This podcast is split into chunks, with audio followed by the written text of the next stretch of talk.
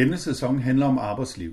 I dette afsnit bliver jeg interviewet om fleksibilitet af Mikkel Krause Jensen. Samtalen er fra P1-programmet Apropos den 22. november 2010. Rigtig god fornøjelse.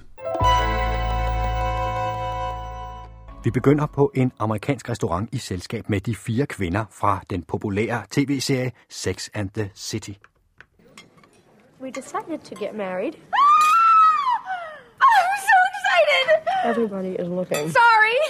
This is my friend, and she just got engaged, and she has been going out with a man for 10 years!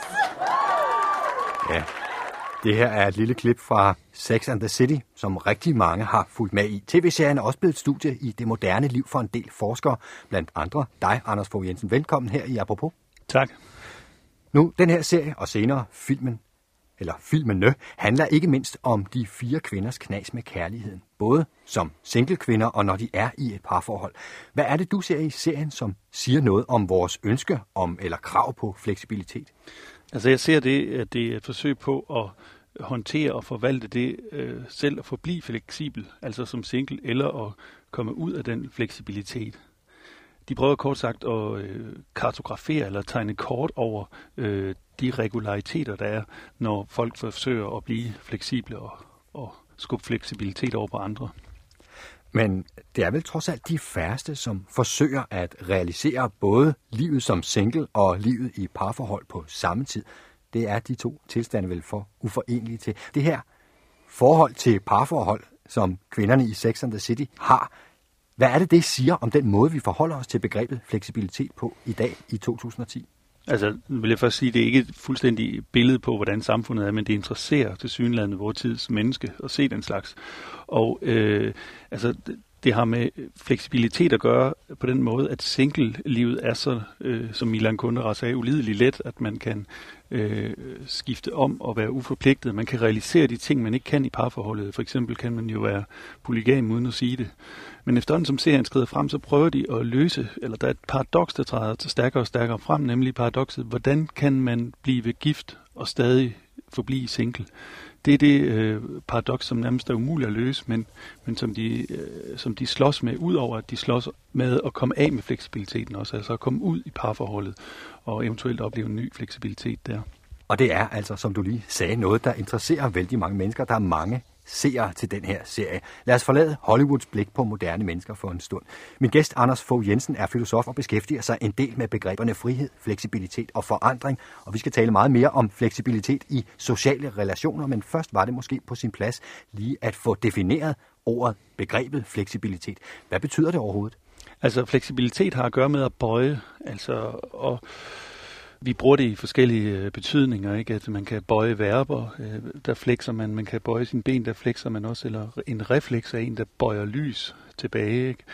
Øh, tidligere betød øh, fleksibilitet noget med en kraft til at rette sig op igen. Altså for eksempel et træ, der var blevet bøjet af vinden, dets fleksibilitet var dets, dets kraft til at rette sig op.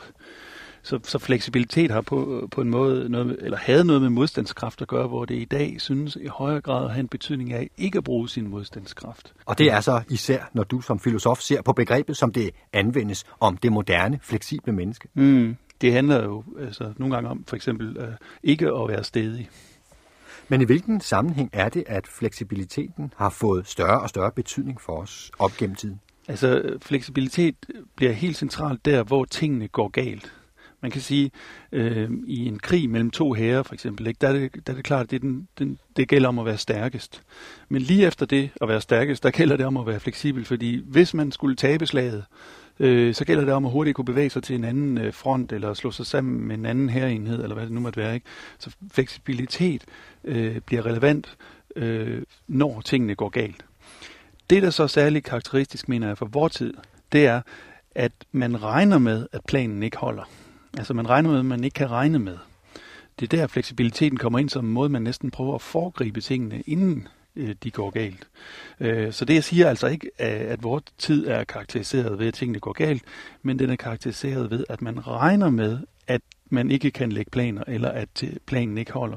Og dermed bliver det en dyd lige pludselig at være fleksibel eller bøjelig, øh, ikke at følge øh, eller øh, insistere for meget, eller være villig til at lave sig om, eller være villig til at lave den måde, man gør tingene på. Om. Og det vil altså sige, at i, i dag er det her krav om at øh, være fleksibel og omstillingsparat, at kunne rette sig op, som også var en af betydningerne, det er blevet et grundvilkår.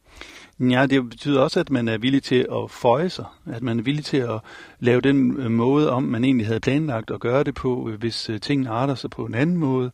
Øhm, så der er noget med at ændre sin måde at være på, men, men fleksibiliteten er også blevet meget mere udbredt eller mere generelt, og til at komme til at handle om personligheden også. Man skal være villig til at lave sin egen person, og man skal være omstillingsparat eller parat til at tage efteruddannelse, eller til at, at flytte sig, og, og, og på en måde så kan individer komme til også at, at konkurrere på, hvem der er fleksible og villige til at lave sig om.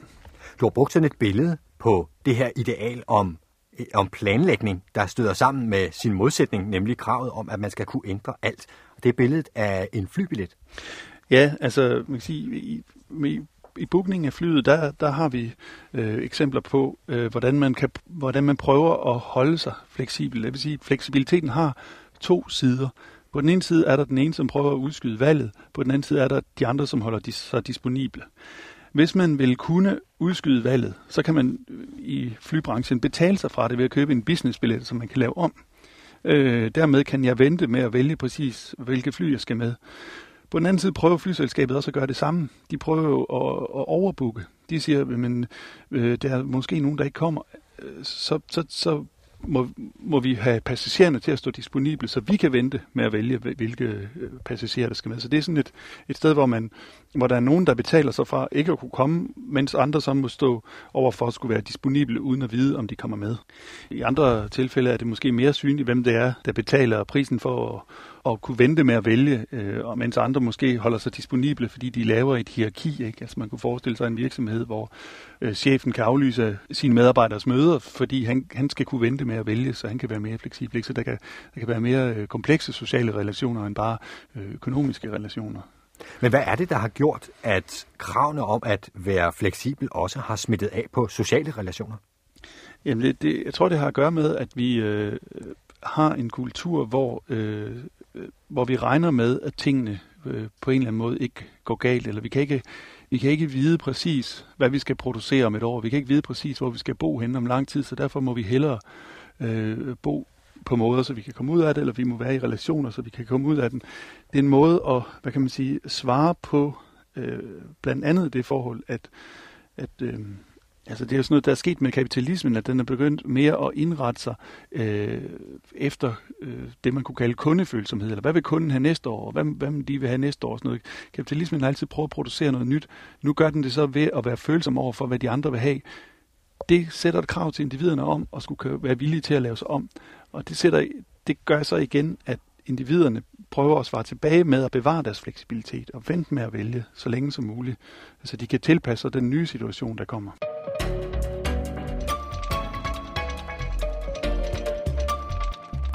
Du lytter til Apropos, som handler om fleksibilitet i denne uge. Min gæst er filosofen Anders Fogh Jensen. Fleksibilitet er, som vi har været inde på, nærmest blevet et mantra i den måde, vi organiserer os på i parforholdet, i vores venskaber og i vores arbejdsfællesskaber. Anders Fogh Jensen, en måde, man kan se det på, er blandt andet i vores kalender. Hvordan har aftalekulturen ændret sig de seneste årtier? Altså, det har ændret sig på den måde, at fleksibilitet ikke bare er noget, der bliver stillet krav om, man er. Det er også noget, øh, man forsøger at øh, blive i den forstand, at man forsøger at fastholde sit valg og udskyde, udskyde sit valg længst muligt. Her må vi have fat i fleksibilitetens to sider. På den ene side, øh, for at øh, jeg kan udskyde mit valg, så må andre stå disponible. Vi kender måske alle sammen, øh, eller i hvert fald en del af os, det her med øh, det show, der går i gang i november måned, når vi skal finde ud af, hvor vi skal være hen nytårsaften. Så er der nogen, der sender invitationer ud. De mennesker, der sender invitationer ud, de kan ikke nødvendigvis få svar. Hvorfor ikke? Fordi folk går og venter på, at der øh, måske kommer noget bedre, eller der kan komme noget bedre. Så på dem, dem, der ligesom har sendt invitationerne ud, de holder sig disponible. Det gør så på den anden side, at der er andre, der kan vente længere med at vælge. Det, som jeg mener, vi ser i aftalestrukturen, det er, at man forsøger at komme over på den side, hvor man kan udskyde sit valg og prøve at få den anden til at forholde sig øh, disponibel. Øh, på den ene side, så gør man det ved at have halve aftaler.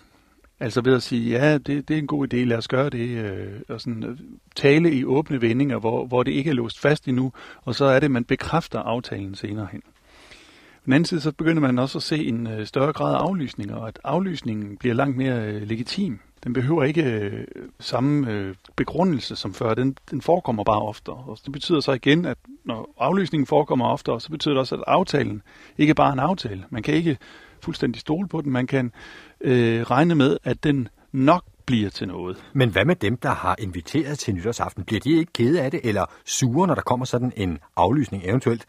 Ja, kort før nytårsaften, mellem jul og nytår? Øh, jo, selvfølgelig, selvfølgelig gør de det, men, men, men det er blevet mindre legitimt at blive sur over en aflysning. Altså det er, men det, det er ligesom noget, man må regne med i det her fleksibilitetsspil, hvor man, hvor man spiller rundt med, med, hvem der er disponible og hvem der kan vente med at træffe valg.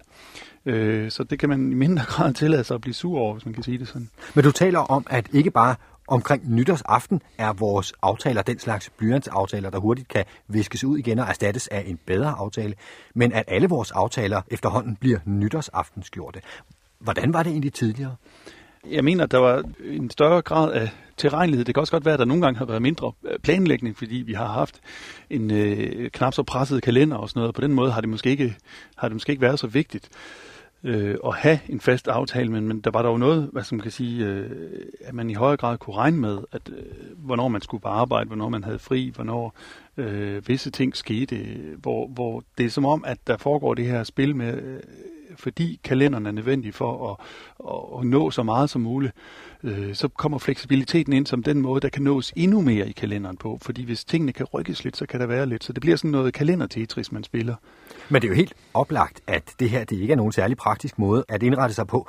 I hvert fald ikke, hvis man er den, der åbner sit hus og inviterer til, til gilde. Hvad er det helt præcis, vi opnår ved den her aftaleform?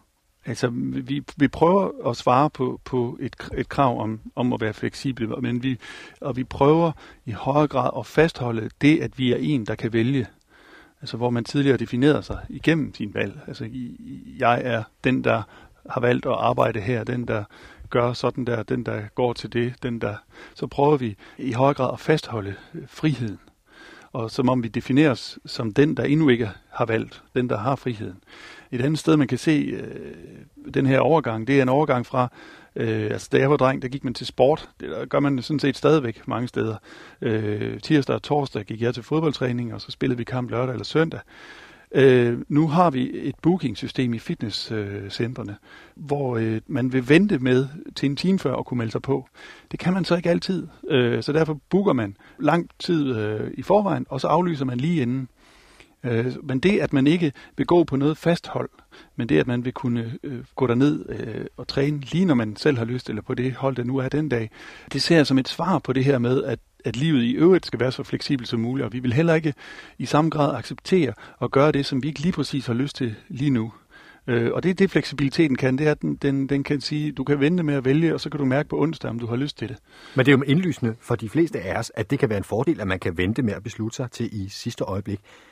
Man kunne jo egentlig stille spørgsmålet, hvorfor er det her fænomen med nytårsaftensgørelsen af vores aftaler først opstået nu? Det er opstået, fordi at der er kommet en øh, klar idé om, at vi skal have lyst til det, vi gør, eller næsten et, et normativ om, at vi skal have lyst til det, vi gør, hvor man måske førhen i højere grad accepterede, at man skulle gøre ting, man ikke havde lyst til. Øh, men det skulle man, fordi det var en aftale, eller det var en, det var en pligt i det at være mand, eller en pligt ved det at have et arbejde, pligt ved det øh, at øh, nu havde nogle øh, venner, og så havde de fødselsdag, så må man hen til dem. Ikke? Øh, nu skal man ligesom vente med at mærke, og altså, vi har fået sådan en følelseskultur, hvor vi så skal mærke efter, om vi virkelig har lyst til det. Og, og det er derfor, vi prøver sådan at, tror jeg, at bevare fleksibiliteten, bevare valget længst muligt. Du var inde på det her med fleksibilitet på arbejdspladsen, at der er stor forskel på, hvor man befinder sig i hierarkiet, og det bestemmer så, hvor stor fleksibilitet man kan forlange af de andre. Gælder det også i de sociale relationer? Ja, det kan man jo sige. Altså, der kan være ulige, ulige relationer, øh, øh, for eksempel i et kærlighedsforhold, som gør, at den, den ene øh, kan forblive med valget hele tiden, mens den anden øh, kommer til at stå standby. Det er en måde, som, som uligheden i et, i et kærlighedsforhold kan, kan manifestere sig på, eller det kunne også sådan set være et, et venskabsforhold, at den ene gerne hele tiden vil lave aftaler, og den anden vil ikke, eller den anden prøver at svare åbent tilbage. Men et er det her med fleksibilitet, som betyder, at vi skal vente med at få endelige tilsavn fra andre mennesker. Der er vel også et krav om, at vi er fleksible i den forstand, at vi skal lave os selv om? Ja, det er, det er da helt klart. Det handler ikke bare om, øh, at jeg skal lave den måde, om at gøre tingene på. Jeg skal også betragte mig selv som en, der er fleksibel i forhold til min personlighed, at jeg er villig til at øh, uddanne mig, villig til at, at gå ind i andre typer af jobs, villig til at flytte mig i øh, geografisk osv., altså, og, og villige til at indgå i andre sociale sammenhænge. Så på den måde øh, tror jeg, at vi får et, et liv, hvor vi i mindre grad kan forvente at være den samme. Vi kan i mindre grad forvente, at dem rundt omkring os er den samme. Og, og i stedet for bliver vores liv i, i højere grad øh, sådan forskellige øh, altså episoder, der ikke nødvendigvis har en, en narrativ tråd igennem sig. Som det bliver opgaven at skabe den narrativ tråd. På, på italiensk, der hedder et selv, det hedder stesso, og som også betyder det samme. Ikke? Men, øh, førhen kunne man i høj grad regne med, at mit selv, det er det, der er det samme. Jeg kan regne med, at de andre er den samme. Øh, hvor, hvor nu kan jeg næsten øh, blive urolig, hvis de bliver ved med at være den samme, ikke? fordi så er de ikke i bevægelse. Og, og, og folk, der ikke er i bevægelse, de skaber åbenbart uro nu om dagen. Men der er jo også dem, der mener, at mennesket grundlæggende hader forandringer, og at mange af vores bestræbelser går ud på at etablere tryghed og uforanderlighed omkring os. Mm. Hvordan hænger det så sammen med den her fleksibilitet, vi og andre omkring os fordrer hele tiden? Jeg tror, mennesker er forskellige på det her område, men jeg tror, at der er en grund til, at man råder forældre til at øh, skabe forudsigelighed omkring børnene. Altså skabe, at børnene kan vide, hvad der vil ske, øh, fordi at det er grundlæggende for, øh, for dannelsen af selvet, men også for at, at få for ro omkring sig. Og så er der selvfølgelig øh, forskelligt, hvor meget øh, ro man har brug for, eller som det også hedder, hvor meget is i maven man har. Øh, og det er til synligheden ved at blive en, en vigtig kompetence at have den is i maven, at man kan klare ikke at vide, hvad der skal ske.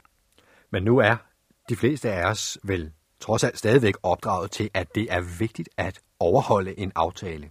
Hvordan passer de her forandringer, som du har fortalt om, ind i den her ellers så punktlige aftalekultur, som jo sidder dybt i os? Altså, jeg mener helt klart, at den dyd stadig øh, er en dyd i vores samfund, at man kan regne med andre. Men den er ved under konkurrence øh, af den her dyd at være under udvikling eller under forandring, og være fleksibel. Så det, der sker, det er, at det, at jeg kan regne med andre, bliver en smule mindre vigtigt, end det har været. Men det, at andre er villige til forandring, kommer om ikke op på siden af den, så i hvert fald så er forholdet mellem de to ved at ændre sig. Men selve det her med fleksibilitet og det, at man skal kunne være forandringsparat og eventuelt forandre sig selv, det får mig til at tænke på, at tidligere var ens livs projekt defineret af, at man skulle gennemgå forskellige næsten rituelle trin for at blive til den, man er. Eventuelt for eksempel blive gift, få en uddannelse, få et arbejde. I dag er det snarere et spørgsmål om at bevare sin frihed for at kunne bevare den, man er, nemlig valgfri. Ja, eller man kan sige, at øh, sætningen er vendt en, en smule om, eller trykket er flyttet i sætningen. Øh, det er også noget af det, som, som filosofen Nietzsche gør noget ud af undertitlen på hans selvbiografi, Ecce Homo hedder, hvordan man bliver den, man er. Men med det mener han ikke, hvordan man bliver til det, man i virkeligheden er. Men hvordan er man det at blive? Og det er det, det handler om i dag, hvor det før handlede om at realisere det, man i virkeligheden havde, eller det, man i virkeligheden er.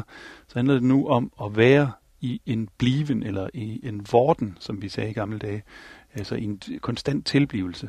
Så det vil sige, at i tidligere tiders mennesker var i højere grad deres resultater, hvor man i dag er sit potentiale. Ja, det kan man godt sige, og derfor gælder det også om at, at bevare det potentiale. Hvis det ligesom er øh, fyret af, så er, man, øh, så er man jo ligesom færdig. Ikke? Det er derfor, at problematikken omkring, hvordan kan jeg være i et parforhold og stadig forblive single, øh, opstår. Ikke? Fordi der er man øh, endnu ikke øh, afsluttet og færdig.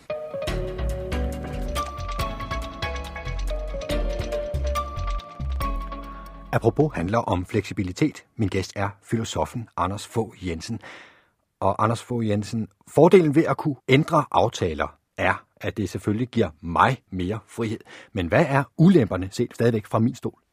Øh, for din stol så er ulempen, at du kan øh, ikke vide, om noget Øh, bliver til noget. Altså det at have en aftale, som man som man ved bliver til noget, det gør også, at man kan øh, glæde sig til den. Eller hvis man frygter den, så kan man forberede sig på den. Men hvis man ikke øh, ved, hvad der kommer til at ske, så, øh, så kan man ikke øh, enten glæde sig eller forberede sig. det man kan sige generelt, det er, at der, der sker et skift fra sikkerhed til sandsynlighed. At det der, at det, det ja, der før betød, øh, ja, det kommer til at ske, ja, det, det er sådan, vi gør. Det betyder, øh, måske gør vi sådan. Det er nærliggende at se det her som en slags moralsk glidebane, når aftaler og relationer bliver mere fleksible og måske ligefrem upålidelige. Men hvordan ser du på det? Ja, altså, der er i hvert fald en type af, af moralske, øh, hvad det, man tidligere vil kalde moralsk sundhed, som, øh, som er øh, Øh, under langsom opløsning. Ikke at, den, at det ikke stadigvæk handler om at kunne regne med, med andre mennesker, men, men der er en ny type af ja, moralsk øh, sundhed, som handler det om at kunne, kunne være fleksibel, som er ved at, at vinde frem. En ny type moralsk sundhed, men det lyder som om det moderne menneske er ramt af sådan en eksistentiel restløshed. Vi har kalenderen fuld af halve aftaler, vi være i parforholdet på singlevilkår, vi er hele tiden på vej mere end vi er i mål. Det kan godt være, at det er et karikeret billede, men alligevel så siger det jo noget om moderne mennesker til forskel fra tidligere tiders mennesker. Men hvor sundt er det egentlig? Det er ikke sikkert, at det er, er sundt i en, øh, i en mere sådan øh, livs- øh, eller vitalistisk betydning. Øh, det bliver muligvis betragtet som moralsk sundt at være fleksibel og i, i udvikling, men det er klart, at det i hvert fald klart for nogen, at det, det skaber nye typer af uro, nye typer af altså nye, nye måder at, at blive udmattet på, at man ikke ved, hvad der skal ske, og derfor hele tiden skal holde sig, øh, hele tiden skal holde sig parat og være klar på, at de andre også øh, ændrer deres øh, øh, hensigter eller deres måder at gøre tingene på. Du var inde på det her med, at øh, vores evne og vilje til også at deltage i sociale øh, forestillinger, det kan være en, en middag, eller det kan være en, en fødselsdag af en slags, også selvom vi ikke har lyst, er blevet mindre, og forventningens glæde kan det jo også gå ud over, når man sådan kun laver halve aftaler. Hvad tror du, der vil ske med de kommende generationer, når vi sådan er begyndt at slække på det her med at skulle overholde aftaler og lave forpligtende aftaler? Altså historien har jo vist os, at det er svært at sige noget øh, sikkert om fremtiden. Men altså, jeg, jeg tror da, vi vil blive ved med noget tid endnu at leve i den her øh, følelseskultur, hvor, hvor det vigtige er, om vi har lyst til det, vi gør, og ikke om, om vi, vi gør det af, af pligt, eller fordi det, det er godt for andre. Så jeg tror sådan set, at, at vi vil øh, se en, en, en stigende, eller i hvert fald en, en vedvarende øh, kamp inden for det her fleksibilitet øh, med at holde de andre disponible og selv være, være øh, hvad kan man sige, øh, den, der kan vente med at lave valget.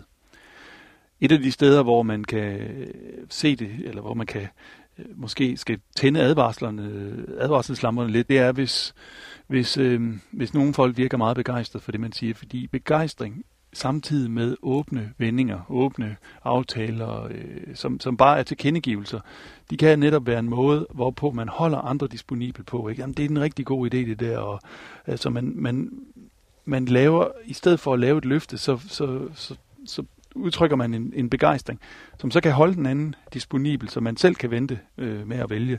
Og det, altså den, den begejstringskultur kan jeg ikke se, at sådan er ved at, at slutte på nuværende tidspunkt i hvert fald. Så man betaler for andres vilje til fleksibilitet med tomme kalorier i form af begejstring? Øh, det, sådan, sådan kan du godt øh, udtrykke det på en lidt, lidt skarp måde, ja. Og, så, og jeg tror også, vi, vi, vi kommer til at se en, en kultur, hvor man, hvis man kan sige det sådan lidt metaforisk, øh, i højere grad kommer til at se, øh, eller endnu højere grad kommer til at se fremlejestrukturer end nu. Altså det, at man, at man øh, den her fleksibilitetskultur, det er på en måde, at man sådan bor øh, permanent til fremleje. Ikke? Man hænger ikke hylderne ordentligt op, fordi man ved, at man skal, man skal flytte igen, og at man, man øh, involverer sig ikke Øh, på, på samme måde, eller man har i hvert fald mange relationer, som man ikke involverer sig i på, på, på samme måde, men som er ude i en, øh, i en vis armslængde, hvor man, hvor man kan bruge dem i forskellige sammenhæng. Øh, så man, man øh, til en vis grad vil det her form for legemarked, eller single-liv, eller øh, øh, Facebook-venner, det vil nok øh, øh, fortsætte samtidig med, at jeg er helt overbevist om, at mennesket stadigvæk har et grundlæggende jeg tør næsten sige, behov for at, øh, at forpligte sig at stå i nogle relationer, som man kan regne med, og i metaforisk forstand være et sted, hvor man kan hænge hylderne ordentligt op. Men hvis vores personlige relationer er sådan en slags fremlejeløsning, og vi ikke hænger hylderne ordentligt op, som du beskriver det, hvilken betydning har det for dem, vi er eller bliver til?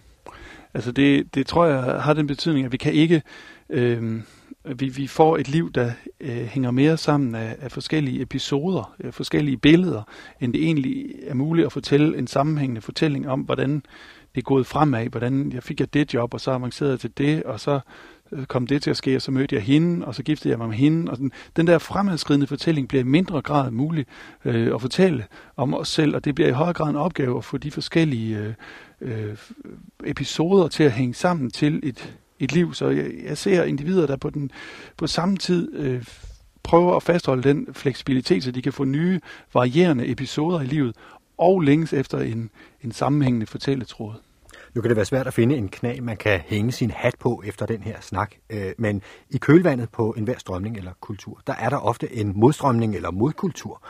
Er der sådan nogle tendenser, vi ser som følge af fleksibilitetskulturen, altså noget, der peger den anden vej? Jeg ser det mere som, øh, som overlapninger, altså at, der, at individerne og øh, hermed også jeg prøver at finde steder i livet, hvor, hvor tingene er ufleksible eller hvor de, hvor de ligesom, kan man sige, øh, ikke, ikke bøjer sig hele tiden. Øh, så jeg ser det mere som, som, som overlapninger, end jeg egentlig ser en, øh, en, øh, en decideret modstrømning. Jeg ser stadigvæk folk, der tænker i øh, og, og, og prøver at skifte øh, job. Jeg ser også folk, der, der nyder singlelivet, og folk, der, der øh, laver venskaber, som de ikke engagerer sig øh, så meget i, øh, men som de til gengæld nyder. Så, så ja, det, jeg ser det mere som overlap end egentlig som en, en modstrømning. Man kan sige, at der findes jo forsøg på at kompensere for den her øh, uro, som det jo handler jo ikke bare om, om fleksibilitet og, og projekter og, og det, at man ikke ved, hvad der skal ske, men, men øh, i det hele taget det, øh, at man øh, heller ikke rigtig ved, hvornår man er færdig nogensinde. Altså jeg ser en, en, en type af, af modstrømning, som for eksempel øh, øh mindfulness, som er sådan en, en art øh, amerikanerbuddhisme, hvor man, man prøver at finde øh, ro midt i uroen, eller prøver at, at bruge nogle gamle teknikker til at finde sig øh, en ro, eller finde ind til noget, man kan holde fast i, når alt andet omkring en er fleksibelt.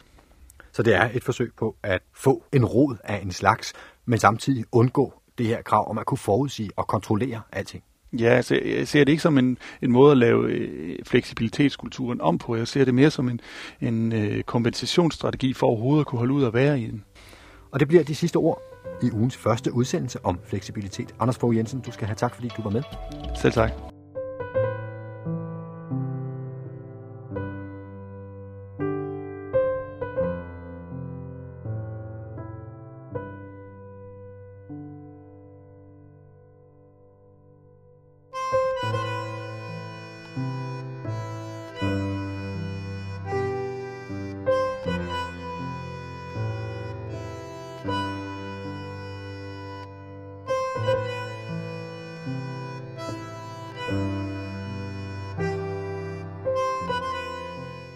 Du har lyttet til Filosofens podcast. Se mere på min hjemmeside filosofen.dk og tag med mig på dannelsesrejse. Se dannelsesrejser.dk. Mit navn er Anders Fogh Jensen. Tak fordi du lyttede med. thank you